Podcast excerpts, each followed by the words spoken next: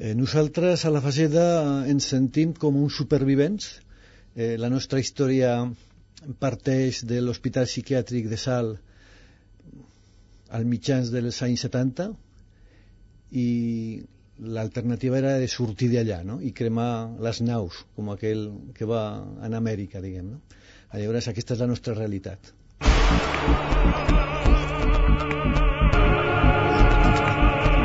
L'Hora de Plutó amb Núria Ribot. Fa 25 anys, un grup de professionals de la psiquiatria i la psicologia es van plantejar muntar alguna activitat per integrar laboralment persones amb trastorns mentals. I així va néixer la Fageda. Ara mateix, la cooperativa La Fageda és el tercer fabricant de iogurts de Catalunya. Al marge de dedicar-se a l'elaboració de productes lactis, tenen un viver, una granja per a la seva producció de llet i una secció de jardineria.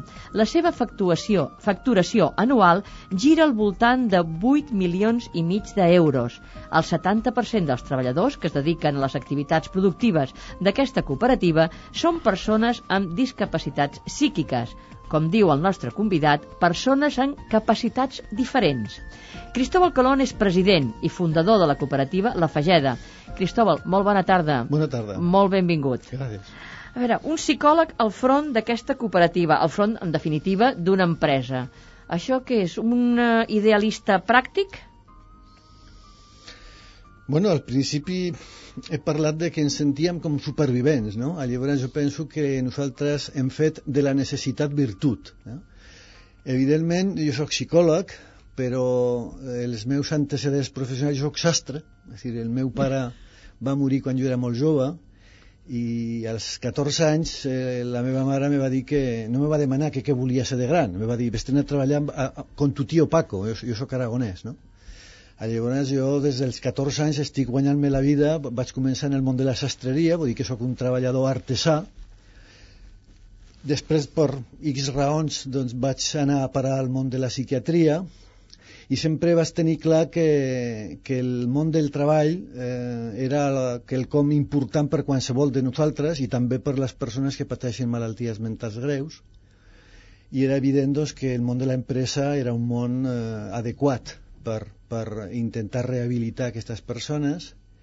I, bueno, i d'aquí va sortir la idea de fer una empresa i evidentment una empresa doncs, eh, no la fan els empresaris, les empreses les fan els emprenedors que després aprens coses de finança i tot això, però això va anar mica en mica, no? Jo m'imagino que molts empresaris us deuen d'envejar. A la tercera productora de Catalunya de iogurts, una referència de qualitat al nostre país, quan dius, eh, els iogurts de la Fageda, i clar, i veus la història que hi ha al darrere, que molta gent no la sap. La veritat és que molta gent no la sap perquè vosaltres tampoc lluïu, si em permetes que ho digui d'aquesta forma, perquè de vegades parlar d'això fa que la gent dius, ah, doncs és interessant, fem una bona obra si comprem, però en canvi heu apostat bàsicament per la qualitat, dona la impressió.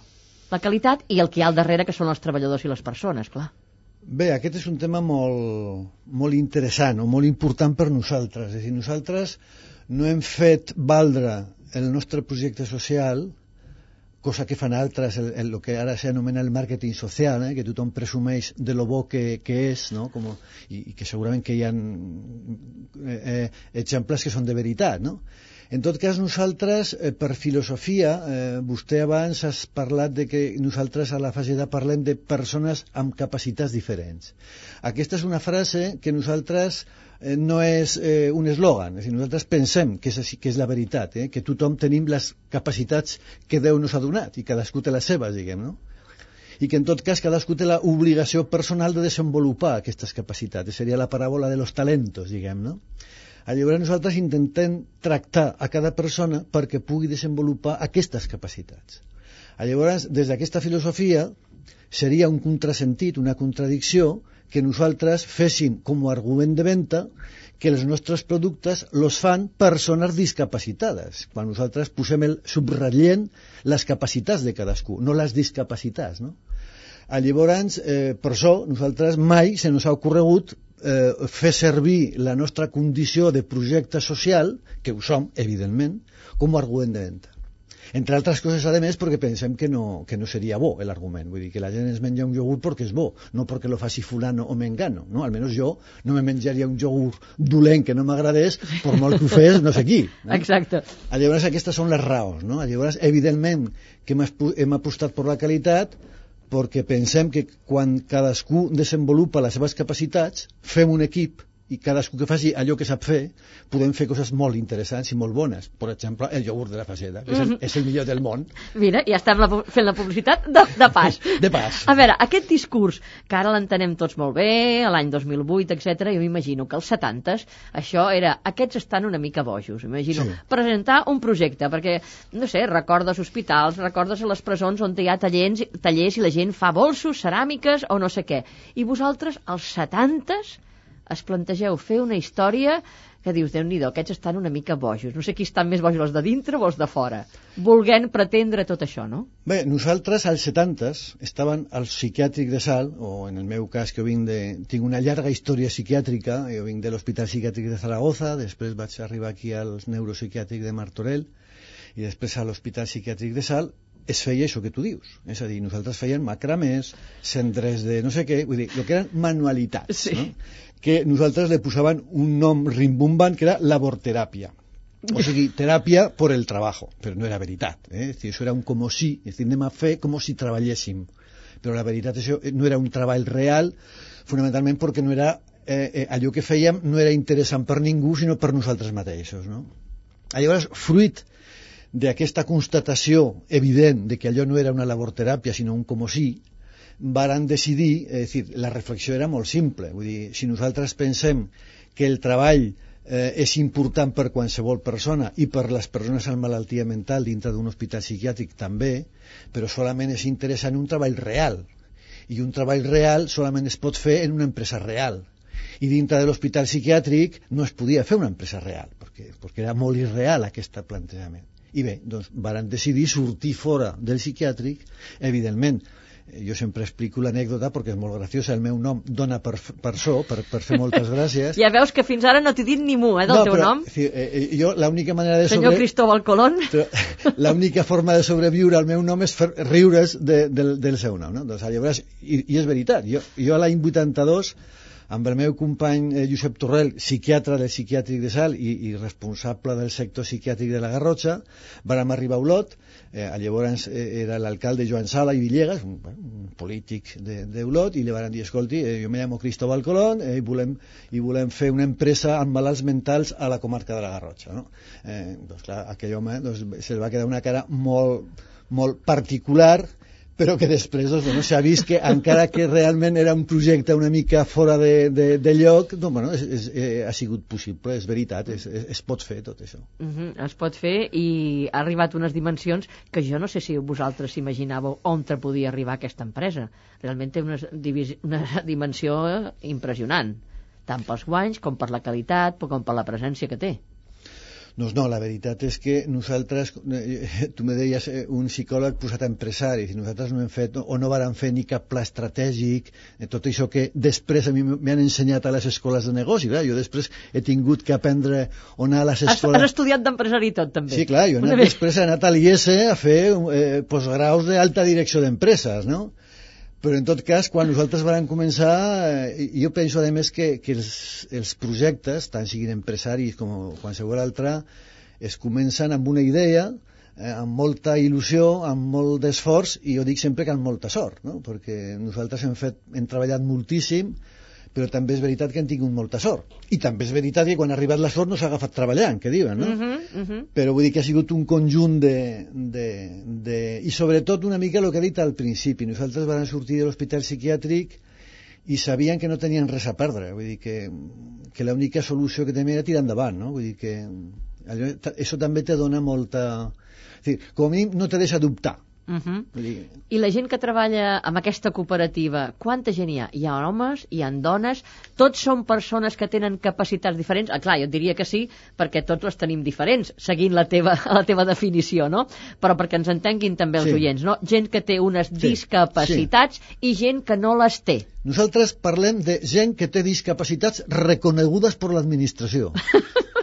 És que és així. Home, ja m'agrada, però és un eufemisme i de vegades la gent també ha No, no, no. d'entendre del que estem parlant. A Sí, vegades però- queda però molt bonic, però, s'ha de parlar clar és també. Important, sí. És important, I nosaltres tenim eh, a la comarca de la Garrotxa eh, hi ha, com a tot arreu, hi ha col·lectius de persones amb discapacitat psíquica, és a dir, persones que ja, des del seu naixement tenen algun tipus de disfunció o de lesió o qualsevol cosa que, les, que tenen les seves capacitats intel·lectuals eh, eh, per sota de lo que s'anomena normal, eh, que podrien discutir què vol dir això, però en principi, inclús, eh, i que me perdoni la gent que m'està escoltant, però el que abans la gent deia subnormals, Sí. eh? doncs, eh, aquesta paraula tan lletja i tan malsonant, però perquè la gent no s'entengui. Eh? Doncs aquestes persones que des de naixement les seves capacitats int- intel·lectuals, repeteixo, estan per sota d'això que anom- anomenem normalitat, eh? doncs aquestes persones adultes normalment, i ara es comença amb tot això de la responsabilitat social de les empreses, de que ara eh, la gent se, se n'adona de que les empreses també són responsables. No? Mhm, eh, bueno, doncs ara es comencen a... Eh, Les a, empreses públiques comencen a tenir gent. Ara estic pensant en TV3 mateix, per exemple, van tenint gent Clar, que tenen eh, discapacitats. Jo te tinc que dir que hi ha una llei eh, que, i, fui, i vull fer memòria del senyor Trias Fargas que l'any 82 al Parlamento, a les Cortes Espanyoles va aprovar una llei eh, de que la LISMI, la Ley de Integración del Minusválido, eh, que a llavors, a l'any 82, deia que les empreses de més de 50 trabajadores tendrán que tener una reserva de plazas o de cuotas para personas disminuidas del 2% de la plantilla. T'estic parlant de fa 25 anys. Doncs fa 25 anys que la llei hi és, però que fa Però no 20 s'ha fet gaire cas, eh? Em dóna la 25 impressió. anys que no s'està complint. Eh? Vull dir és que eh, això és així, i, bueno, i dicho de, de, de paso, digo, Uh -huh. doncs llavors nosaltres... Eh, Jo et demanava quina proporció de gent hi ha. Tornant no? a la pregunta, llavors Sí. sí. nosaltres a la Garrotxa, jo sempre dic que nosaltres tenim a tots, que són 120 i pico, però lo, que, lo important no són los 120 i pico, clar, 125 a 125 a, a Barcelona serien molt pocs. Eh? Lo important és que a la Garrotxa el col·lectiu de persones amb disminució psíquica i el que encara és més important, el col·lectiu de persones amb malaltia mental crònica, el que es diu tècnicament los trastornos mentales severos, los TMS, tenen feina. És a dir, a la Garrotxa el 100% d'aquests dos col·lectius tenen feina. Jo tinc que dir que quan parlem de malalts mentals, no de disminuir psiquis, perquè per sort a Catalunya, doncs, a, a, a totes les comarques, no sé si totes, però a lo millor en el Pirineu, però bueno, jo diria que la cobertura que hi ha a Catalunya al voltant de les persones amb disminució psíquica és molt bona, la cobertura que hi ha amb persones amb malaltia mental és molt dolenta, no a Catalunya, a tot arreu. No? Doncs llavors nosaltres. Tenim 125 persones amb certificat de l'administració que es reconeixen les seves discapacitats o les seves minusvalies psíquiques, tant amb el concepte de disminució o amb el concepte de malaltia mental, que són dos coses diferents, doncs a la Baseda estem donant possibilitats a totes les persones de la comarca de la Garrotxa perquè tingui una feina, però no una feina qualsevol, sinó una feina en un projecte empresarial que torno a repetir... Exitós. Exactament. Amb èxit, que això és lo important i d'aquest projecte en parlarem avui amb Cristóbal Colón. I, però ens abans ens agradarà saber una miqueta més d'aquest home que diu que és psicòleg, que va treballar, que va començar com a sastre, que porta molts anys treballant i que ara està darrere d'aquest projecte que és la cooperativa de la Fageda. I ens ho explica la Pilar de Pedro.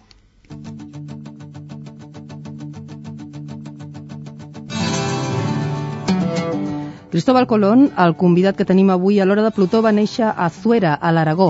Quan tenia 13 anys va començar a treballar com a aprenent de sastre amb el seu oncle. Després de fer el servei militar, va trobar feina a l'Hospital Psiquiàtric de Saragossa i als 25 anys es va posar a estudiar psicologia. Llavors va estar treballant durant uns 10 anys en diferents hospitals, institucions psiquiàtriques a Martorell i a Salt.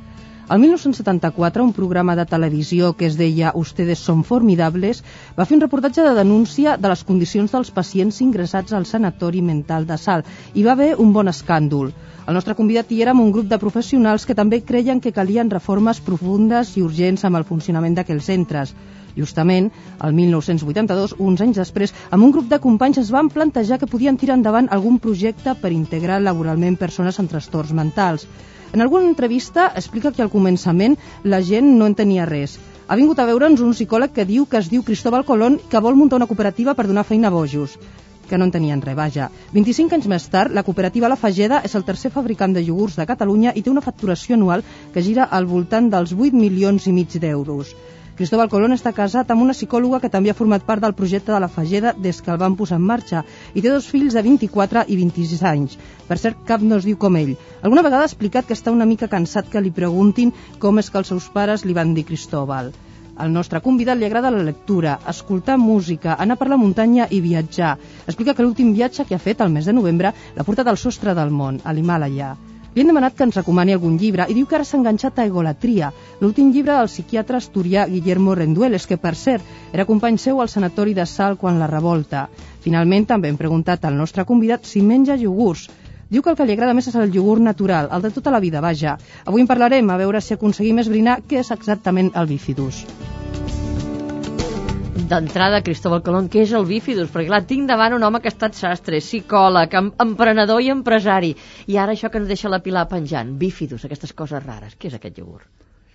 Bé, doncs el iogurt, el iogurt com tal, és una forma de conservar l'excedent de llet de los pastores de los Balcanes, así, igual que los pastores de, de la Manxa, eh, quan tenien molta llet, eh, feien formatge, eh, com tothom sap, la llet és un producte molt fràgil que es fa malbé de seguida, vull dir, eh, la natura ha pensat en la llet per consumir-la in situ, no? Llavors, els ramaders, quan tenen un excedent de llet, tenen que buscar alguna forma per conservar la proteïna, perquè és un aliment molt ric. Doncs eh, el, el, eh, els Balcans eh, feien, eh, eh, o sigui, guardaven la llet al sol, la llet eh, eh, dintre de, de això, porta unes bactèries que es diuen eh, bactèries làctiques, que és el, el lactobacillus eh, vulgaricus i el streptococcus thermophilus, que són unes bactèries, pues ho llaman mm, eh, eh, bactèries làctiques, van dintre de la mateixa llet i los eh, pastores de los Balcanes eh, deixaven la llet al sol i aquestes mateixes bactèries espallaven la llet, la acidificaven i això és el iogurt. D'acord? Vol dir que el iogurt és una llet espatllada, espatllada. acidificada, pues como, yo, como, el, como, el, como el formatge. Eh? Tu talles la llet eh, i tires el xirigot, que és el, el, diguem, la part diguem, l'aigua, i te quedes con la part sòlida, que és la proteïna, tot això. Bé.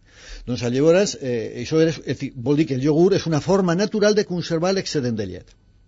Què passa? Que la tecnologia alimentària va veure que, eh, que en l'intestí dels nadons, fonamentalment, els nadons quan neixen tenen unes bactèries, que és el, el bifidus, el, lactoba, el lactobacillum bifidum, és una bactèria que no està a la llet, sinó que està al, a l'intestino de los nadons, que és una forma d'aprofitar més bé la llet de la seva mare. Eh?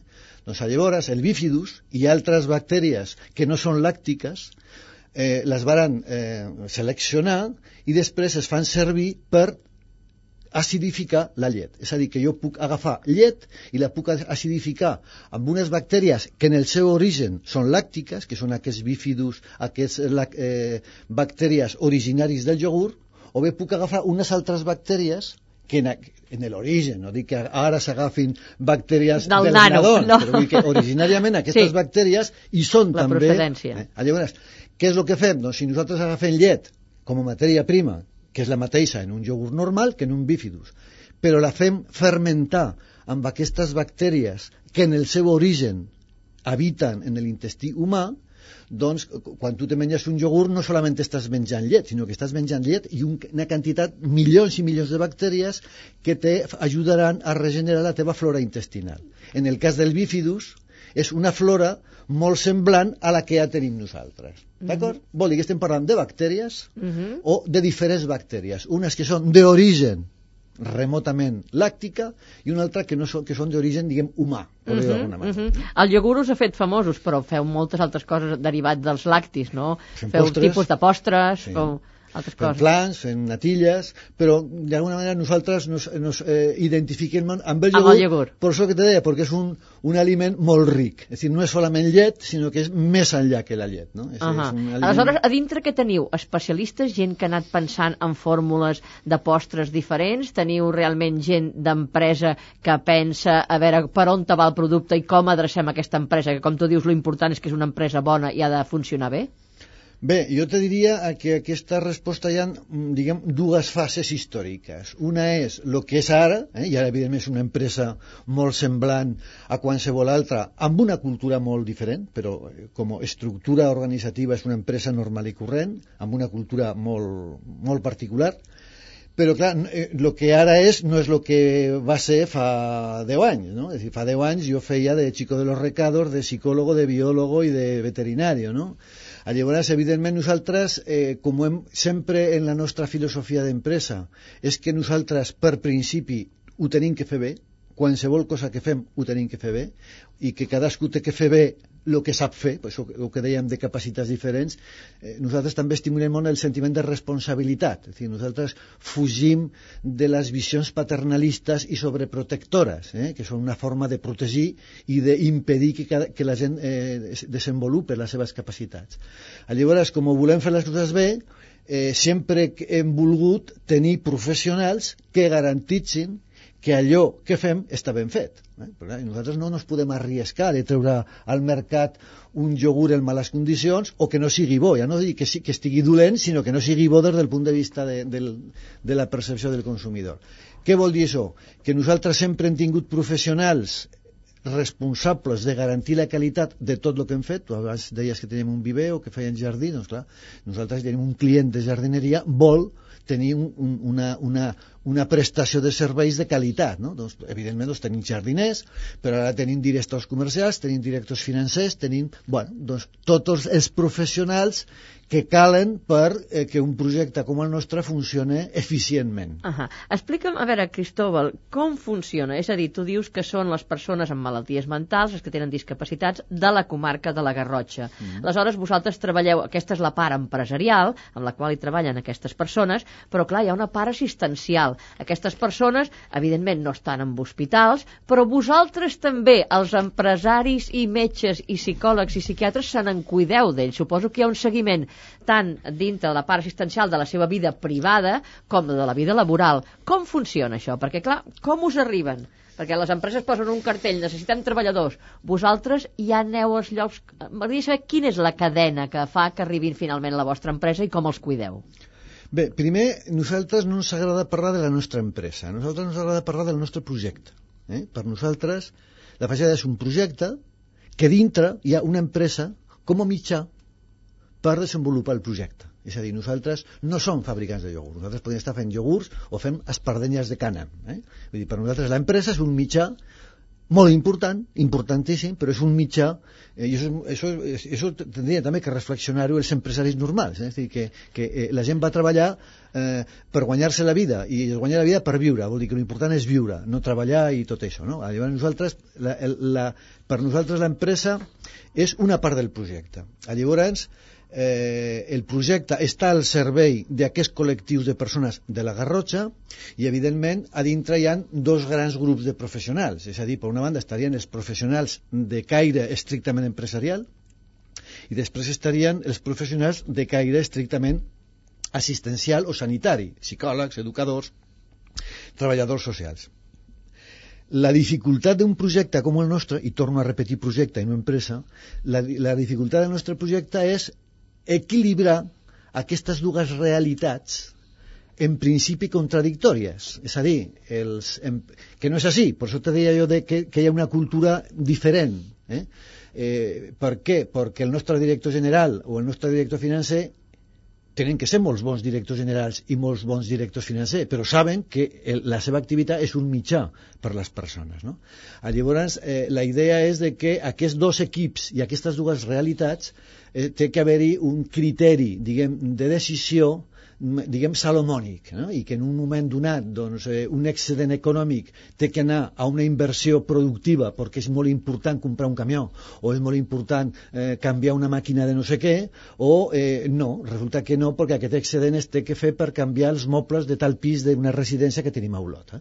Aquest, aquest criteri, torno a repetir, salomònic, que moltes, moltes vegades no és entès per la part perdedora, perquè clar, el que vol el camió, ah, és que vull el camió, eh? però en tot cas, eh, al llarg d'aquests 25 anys, doncs, bueno, doncs en aquest cas m'ha tocat a mi eh, prendre aquestes decisions, eh, doncs és una realitat, eh, torno a repetir a vegades, contradictòria, però, eh, bueno, es tracta de saber què és lo important i què és lo urgent, moltes vegades, no? És dir, quina és la finalitat i què és, què, qual és el fin i qual és el medio, diguem, no?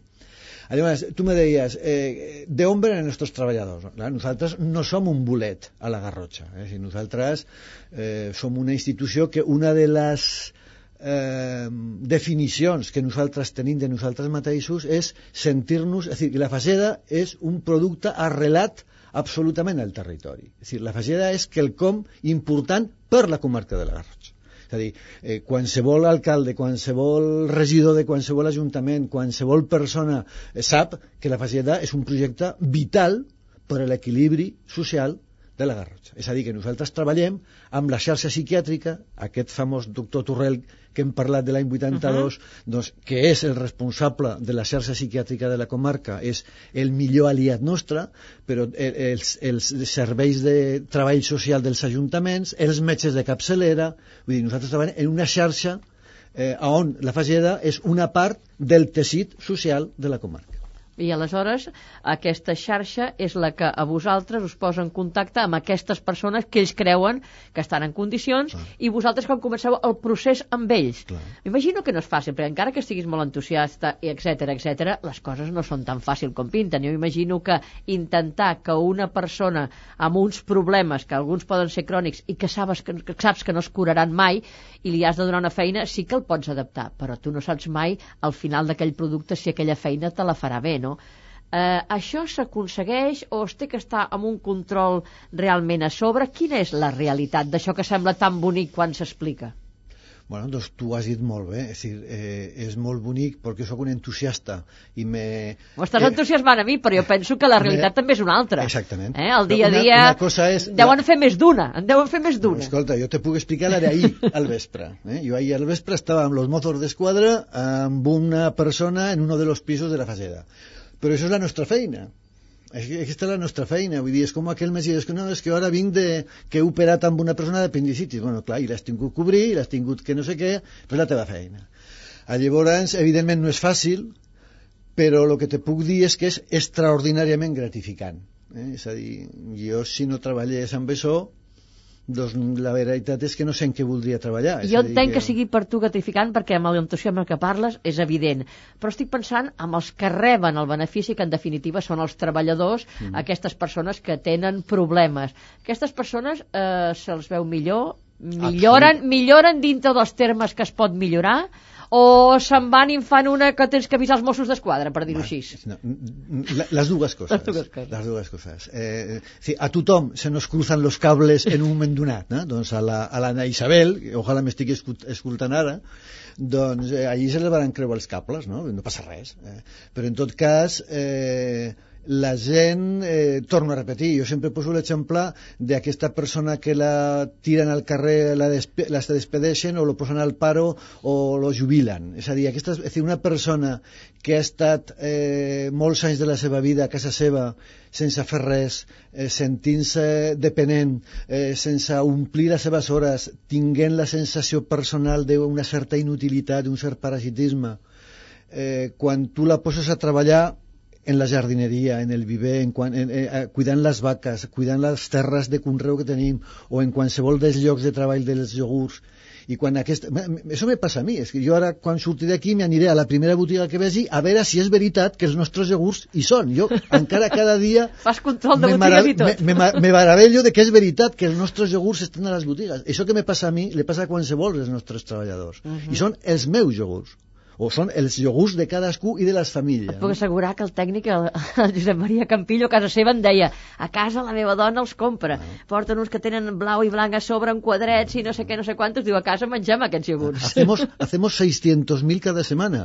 I si els fem això és perquè algú els menja. No, no, pues si mira, no, no els fèiem. El Campillo t'asseguro que els menja i molt segurament dels nostres oients. Posem una mica de música. T'agrada molt la música medieval, sí. la de la Renaixença. Treballeu amb música també allà? Ajuda? No. a No. vegades diuen la música va molt bé per treballar o no? No, en tot cas, i a més, segurament que aquesta música no l'agradaria a tothom perquè és una música una mica estranya. diguem. Sí, t'ho haig de dir perquè també m'ho han dit. Sí, sí, hi ha Sí. una miqueta, però bueno, eh, seguim les teves ordres. Uh, hem escollit una peça dirigida pel Jordi Savall, Ah. que són les vespres de la Beata Verge de Claudio Monteverdi. Ah?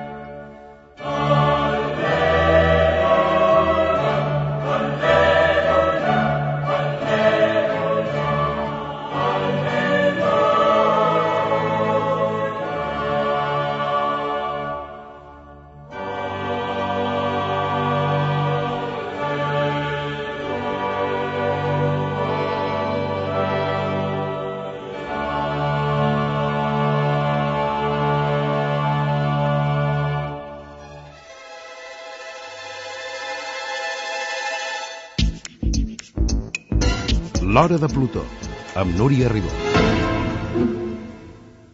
I continuem la conversa amb Cristóbal Colón, que és psicòleg i president i fundador de la cooperativa La Fageda, de la Garrotxa, a Girona. M'ha estat parlant dels iogurts, dels productes lactis, de la gent que els fa, d'aquestes persones que tenen malalties mentals, que tenen discapacitats psíquiques i que entusiasmen el nostre convidat d'avui perquè només cal escoltar-lo com parla amb tots els inconvenients que porta, com tu mateix deia, que eh, són molts inconvenients. Però clar, en una empresa penses, quan tu no produeixes bé, o bé a vegades o et descompten, o hi ha un control, o et fan fora, t'acomiaden, així de clar. Clar, la teva empresa, la teu projecte, ja aprendré a dir-ho, el projecte vostre és una mica diferent, però suposo que la gent també ha d'actuar amb uns paràmetres de, de, de, de professionalitat i, i, i de, de fer bons productes, no? Quan les coses es fan malament, actueu sobre aquestes persones? Hi ha alguna mena d'actuació? Clar, clar, és a dir... Eh, si nosaltres eh, tenim un sentit del realisme il misericorde, és a dir, la, la realitat és la realitat, és dir, nosaltres no estem bojos, és dir, nosaltres sabem, eh, sabem i nos tenim que recordar cada dia que dos i dos són quatre, no? És a dir, que, i que la nostra pervivència al mercat, és a dir, els nostres fiels consumidors, són fiels sempre i quan les donguem aquesta qualitat que, ells, que el consumidor percep, no? I això ho sabem, no? I, i, i tenim molt clar que tenim... És a dir, per nosaltres hi ha una cultura de l'esforç molt important. És a dir, nosaltres... Eh, és jo evidentment parlo i m'entusiasmo i intento donar aquesta mm, vessant positiva i gratificant de la nostra feina perquè és molt important, és la més important.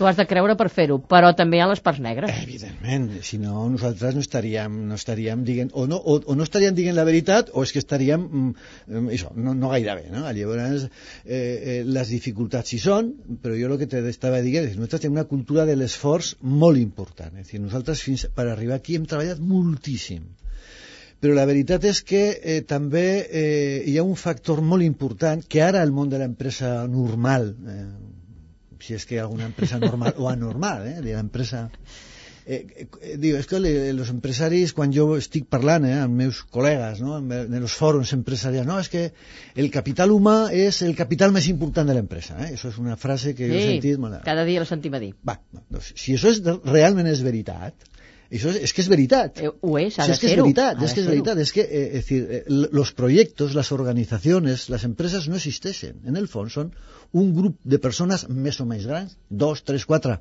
o cent mil, tant se me'n fa. Però en tot que són individus que decideixen col·laborar en un projecte comú. Eh? Se suposa que tothom es tira del carro en la mateixa direcció. Quan això es, es fomenta, és dir, que tothom realment està tirant del carro en la mateixa direcció, perquè la teva cultura de la, del teu projecte ho fomenta de veritat, sense cinismes i sense dobleces, és a dir, fent allò que dius que faràs, és molt més fàcil. I nosaltres a la Faceda ho hem fet, és a dir, eh, som una cooperativa, vull dir que l'empresa no és Cristóbal Corón Societat Limitada, és dir, no és la meva empresa, és, dir, és una cooperativa que tothom se sent propietari, el qual no vol dir que sigui una assemblea que tothom, cadascú allí se faci votacions per veure que... No, eh, no, no torno a repetir, som, molt, realista, som també, molt eh? realistes, per això t'he dit que, llavors, però sí que és veritat que hi ha un sentiment de pertenença al projecte i això doncs, dona molta força, no? Això dona molta força i quan hi ha moments de crisi, que n'hi han hagut a pilons, s'ha fet un grup mmm, bueno, com una pedra i això és molt poderós. Això és mm-hmm. molt poderós, jo diria que quasi és invencible, no? Vull dir que... Si això és tan interessant, no només com a empresa, amb el sentit, ja estic dient, com a resultats, que està fent bons productes, però jo estic parlant ja del camp assistencial, com és que la idea, el projecte, aquest experiment, no passa arreu de Catalunya, arreu d'Espanya? És un projecte car? Per què això no passa? Perquè si això dona aquests resultats no, i veus que la gent s'implica i està produint productes de primera qualitat, home, mm, s'hauria d'aprendre d'aquí. I com és que no se n'aprèn? Alguna, algo falla? Sí, però tindríem que matisar aquesta afirmació que has fet. És a dir, eh, primer, és veritat que nosaltres hem treballat molt, hem dit, eh, molt, molt dur, amb molt d'esforç. Hem dit que havíem tingut molta sort això és veritat, no? I hem dit que ho hem fet bé, eh? perquè si no, no estaríem al mercat. Perquè això, això no, no és així, no?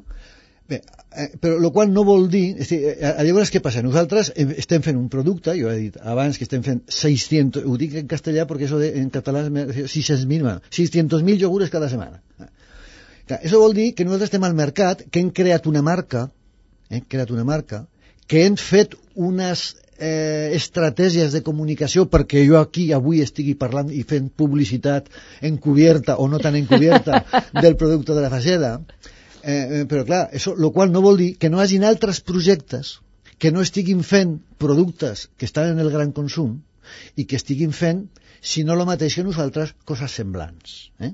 Ara, jo tinc que dir que el nostre projecte, evidentment, té totes aquestes eh, parabienes que tu estàs aquí eh, o que m'estàs permetent doncs, que pugui explicar lo bé que fem les coses, lo qual no vol dir que no hi hagi cap més que faci el mateix. El que passa que són projectes que no tenen la projecció eh, pública o mediàtica que tenim nosaltres perquè no estan fent iogurts o no estan fent xupa-xups o no estan fent Però gaseosa. si estiguessin fent tant se val pilotes o sabates ben fetes, també se'n parlaria perquè darrere hi hauria un projecte com el que estem dient, perquè aquí el que interessa és la eh, no recuperació o rehabilitació perquè molts d'aquests malalts no els poden recuperar, però sí la integració o inserció en una xarxa social que bueno, puguin funcionar. Doncs dit això que t'he dit que hi han, ara te diré l'altra qüestió. És a dir, i quan jo t'he dit que hem tingut molta sort, és perquè, i aquí doncs tinc que fer, bueno, en honor a la veritat, vull dir, jo no estic fent campanya política ni estic fent res, però jo abans t'he dit que hi havia una llei de l'any 82, eh, que el difunto eh, Trias Fargas va ser el promotor d'aquesta llei, fins a llavors no hi havia cap llei eh, de l'Estat que tingués en compte aquest immens col·lectiu de persones, doncs, bueno, eh, des d'aquesta llei eh, eh, diu, eh, de l'any 82, que eh, per estimular la creació de llocs de treball, per a aquestes persones que el mercat no, no, no assumeix. Fa una mica de costat, eh, sí. Eh? Doncs eh, posava una quantitat de calés. No? Jo, eh, Estat, faré de soci capitalista per estimular la creació d'empreses eh, que contractin aquestes persones, el que es llaman centros especiales de trabajo, que són una espècie d'empreses protegides. D'acord? Doncs aquestes empreses protegides com a la Faceda, o aquestes altres que t'estic dient que també estan fent coses molt ben fetes, eh, el soci capitalista és l'Estat. Bueno, doncs fa 25 anys que aquesta empresa protegida, la meva o la de qualsevol altre projecte, està rebent la mateixa quantitat que fa 25 anys. És a dir, que jo, per crear un lloc de treball a la Fageda, o a qualsevol altre centre especial de treball, m'estan donant 2 milions de pessetes que són les mateixes pessetes, i parlo en pessetes perquè... Que donaven fa 25 anys? Fa 25 anys. És a dir, si tu le parles a qualsevol empresari de qualsevol sector i le dius que avui té que crear un lloc de treball al mateix cost que l'any 84, te diria que estàs boig. Mm. Bueno, doncs això és així. I jo no estic boig. Eh? Tu pots anar a la Generalitat, pots anar a qualsevol estament oficial i comprovaràs què és el que t'estic dient. No és que és molt difícil fer projectes empresarials viables, eh, eficaços, eh, sense calés, perquè hem dit que tenien que ser realistes, o no? Uh -huh. Doncs clar, és dir, miracles, jo crec en els miracles, soc una persona molt creient, però escolta, els miracles es donen molt poques vegades, uh -huh. i no podem demanar al cel que vingui sí, a resoldre... Aquesta és una crítica directa a l'administració, com ha de quedar clar. No, jo penso que ho puc dir més I alt, tant. però no més clar. 25 anys, no estic parlant de... No, no, escolta, ni l'índex de... Ni l'IPC, vaja, ni l'IPC no, no, Zero pelotero. I vosaltres, el vostre projecte ha estat premiat també dintre d'empreses, i em sembla que fins i tot Zapatero sí. es va quedar una mica com sobtat davant dels productes i va dir que els provaria. Què va passar? Explica'ns-ho. Bueno, a nosaltres nos van donar un premi a una fundació a nivell estatal que es diu Fundació Empresa i Societat, que premia a les empreses eh, que tenen una política de responsabilitat social eh, clara, diguem, no? Llavors va donar quatre premis, me'n sembla, una era CL5, otra era un banc americà JP Morgan i Ericsson, eh, la marca de telèfons, eh, i nosaltres, no? a llavors, clar, eh, es va fer un gran acte en, no recordo el lloc a Madrid, eh, que va venir el president del govern a, a donar els premis i clar, jo evidentment vaig fer un discurs és dir, invitaven els premiats a fer un discurs de 7 minuts i clar, jo vaig parlar de la malaltia mental no? Eh, jo deia, escolti és dir, els malalts mentals poden i tenen el dret a treballar i nosaltres doncs, eh, va, vaig explicar una mica el meu projecte i la veritat és que va sobtar no solament al president Zapatero, sinó als... perquè allí estaven en la florinata de l'economia de l'Estat, diguem, no? I, i bueno, va ser una, una situació però eh, aquestes coses eh, duren 5 minuts eh? la gent suposo que després d'això se'n van anar a dinar i, i a la tarda no se'n recordaven, ja no recordaven. Que... i ara que estem a punt d'eleccions se n'en recorden els polítics de vosaltres? me preguntaria jo si es recordaran després de les eleccions en tot cas t'estic dient que els últims 25 anys i, no i, i aquí estic parlant de tots els colors que han passat per dir, no estic atacant a, a uns o a altres, eh? estic parlant de que en 25 fa... anys han passat diferents. Exactament. Però és així, vull dir que és tan clar i tan contundent que sembla mentida, però és veritat. Uh -huh. Parlant de les malalties mentals, van en augment? Perquè, clar, ara no es pot parlar de bogeria, ara estem parlant ja de diferents tipus de trastorns, amb la qual les classificacions són infinites pels que no hi entenem, perquè abans deies, està boig, amb això ja era un sac i cabia tot, no? Ara hi ha ple de malalties, eh, ple de trastorns i cada dia n'hi han de noms, de nous, no? A les escoles, els atacs, que, eh, que si el bullying, que si el bullying, perquè no és que siguin trastorns aquests, però clar, nanos o gent jove que ataca d'aquesta manera, etc etc, algunes coses estan passant. Està anant en augment la malaltia mental? És, és el és, estil és, dels temps? És Què molt, està passant? Sí, sí, és molt important aquest, això que m'estàs dient. Molt, a més, és que eh, aquest és un tema que jo eh, especialment estic molt preocupat e interessat des del punt de vista intel·lectual, no? És a dir, evidentment, no? és dir, nosaltres, per exemple, a la faceta treballem fonamentalment amb el malalt mental clàssic, és a dir, a, to a tota la vida i sempre, i n'hi haurà sempre, eh, persones eh, que tenen el, que seria, el que diria el món de la psicosis, no? que són malalties mentals greus. No? Eh, però tu m'estàs dient, a part d'això, eh, que tothom més o menys sap de què parla, eh, de, de, de la bogeria, eh, entre cometes, la societat actual és una societat malalta. Eh? Jo, evidentment, estic parlant a títol personal i no estic sentant càtedra. Eh? Jo ja no parlo ni com a psicòleg ni com a nada, eh? com a Cristóbal Colón, encara que sembli una mica... que sigui una broma, és, és, és una, que una broma. És, és una jugada, això. Però, en tot cas, eh, jo penso, evidentment, que estan passant coses moltes coses i que són evidents el que està passant no? Eh, I no es parla gaire, no es parla gaire. No es parla gaire, curiosament, els meus col·legues, no sé per què, però no, col·legues autoritzats, molt més que jo, no es parla gaire. Jo tinc l'opinió de que, evidentment, la nostra societat està... Mm, la cultura occidental, i inclús te diria que inclús amb la globalització que ara estan agafant com a model de vida eh, els països d'Oriente, també el model, eh, és dir, quan veiem els xinos aquests absolutament enamorats del mòbil i de no sé què, doncs clar, és una cosa horrorosa, doncs jo penso, evidentment, que la nostra cultura, la nostra civilització occidental està en greu crisi i que tot això que tu m'estàs parlant de les agressions dels nens als pares, de no sé què, de, de, la llista seria infinita, les depressions, los intents, es decir, eh, se suicidan un millón y pico, un millón y pico de persones a l'any se suicidan, 20 milions lo intenten. Però tu això està tapat quantitat, sempre, això clar, està tapat sempre. La, la, la quantitat de, de patiment que implica tot això. Quan una persona arriba a l'intent de suïcidi o al suïcidi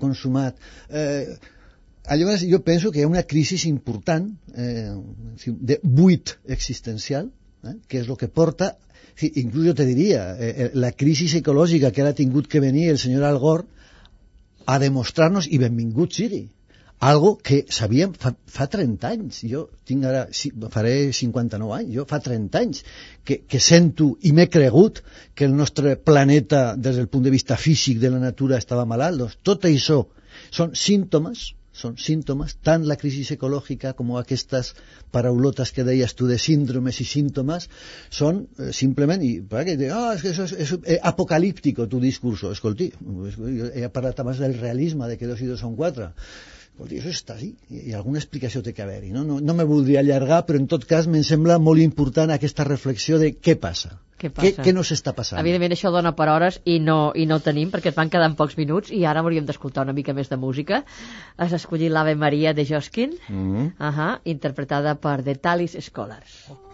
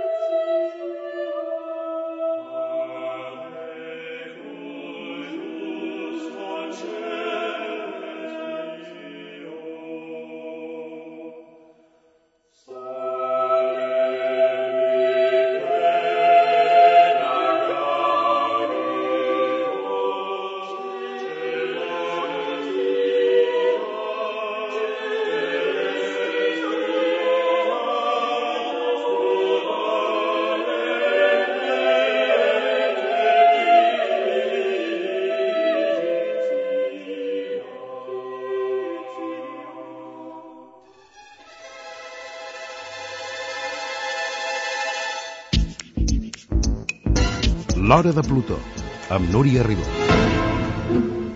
I ens queden realment molt pocs minuts d'aquesta conversa que realment no només apassiona a Cristóbal Colón, que és psicòleg i president i fundador de la Fageda, d'aquesta cooperativa que segurament molts coneixeu, segurament molts dels oients heu provat els iogurts o aquests productes lactis, i clar, i molts no sabíeu possiblement que al darrere hi havia un projecte, aquest projecte que n'hem parlat avui, d'una sèrie de gent, dels treballadors, la gran part dels treballadors, sembla que és un 70%, no?, que són malalts mentals o gent que tenen discapacitats psíquiques que estan treballant i convivint amb els altres permeten que en digui normals. Es fa bona la convivència? Perquè de vegades és difícil. Vull dir, per un especialista, per un metge, els que treballeu amb ells ja sabeu com tractar, però per als altres que no estem habituats, és difícil aquesta convivència laboral?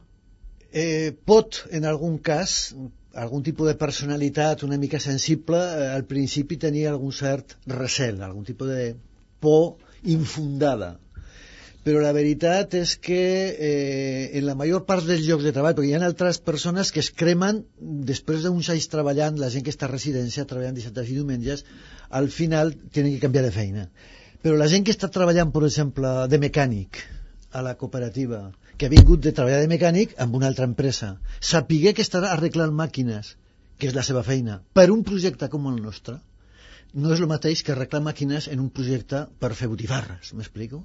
Llavors nosaltres parlem d'aquest salari emocional és dir, la gent no es guanyem la vida, és dir, nosaltres no, no som aquí uns voluntaris o monjos de no, no, teniu el vostre sou a fin de mes i tots viviu correctament. I, I la gent va a treballar perquè es guanya la vida, però és que a més de guanyar-se la vida té la sort de poder participar i ser protagonista d'un projecte com aquest. I això no es paga en calés. Uh -huh. I tots aquests treballadors que dius que teniu distribuïts en pisos molt propers a Olot, no? Sí, a Olot. Els recolliu pel matí amb els autobusos de l'empresa, els porteu allà. El fi de setmana, per exemple, quin tipus d'assistència tenen aquesta gent? Hi ha una mena de control o són gent que per la seva situació personal tenen una certa llibertat que es poden moure per la comarca en normalitat. Sí, nosaltres intentem tractar a cadascú eh, sí, eh, como yo digo siempre, ¿no? Es decir, eh, tratamos a todos iguales, o sea, sé a cada uno de forma diferente. És a dir, intentem donar a cada persona el recolzament que necessita i no més. Vol dir que hi ha una persona que tindrà molt recolzament i altra que no tindrà cap, no? Vol dir que intentem individualitzar l'ajuda, el recolzament que donem a cada, a cada individu. Dir, a tots iguals. A tots iguals. Sí. I el resultat ara per ara?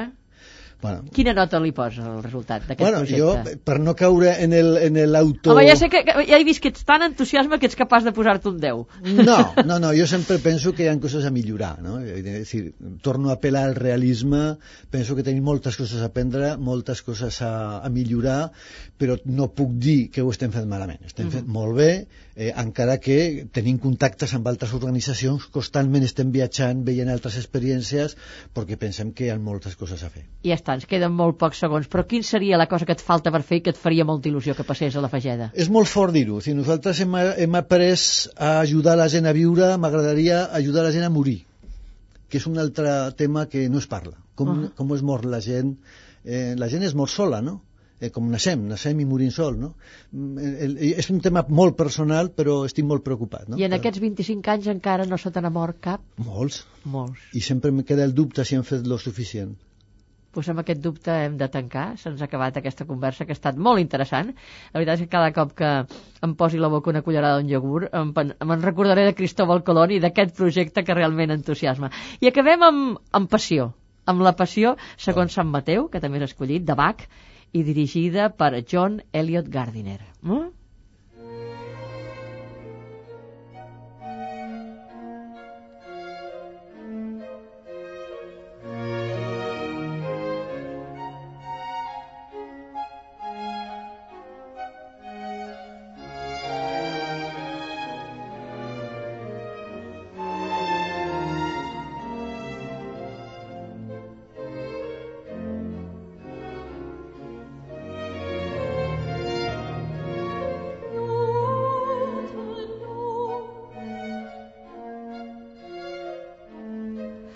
Cristóbal Colón, hem de dir adeu perquè amb molta passió, però el temps se'ns ha acabat. Moltes gràcies. Que vagi molt bé, que Gràcies. disfrutem tots aquests iogurts i aquests postres. Moltes gràcies també als oients que ens han acompanyat. Gràcies en nom de tot l'equip, de la Pilar de Pedro, en els guions, de la Dolors Joanola, a la producció i del José María Campillo a les vies de so.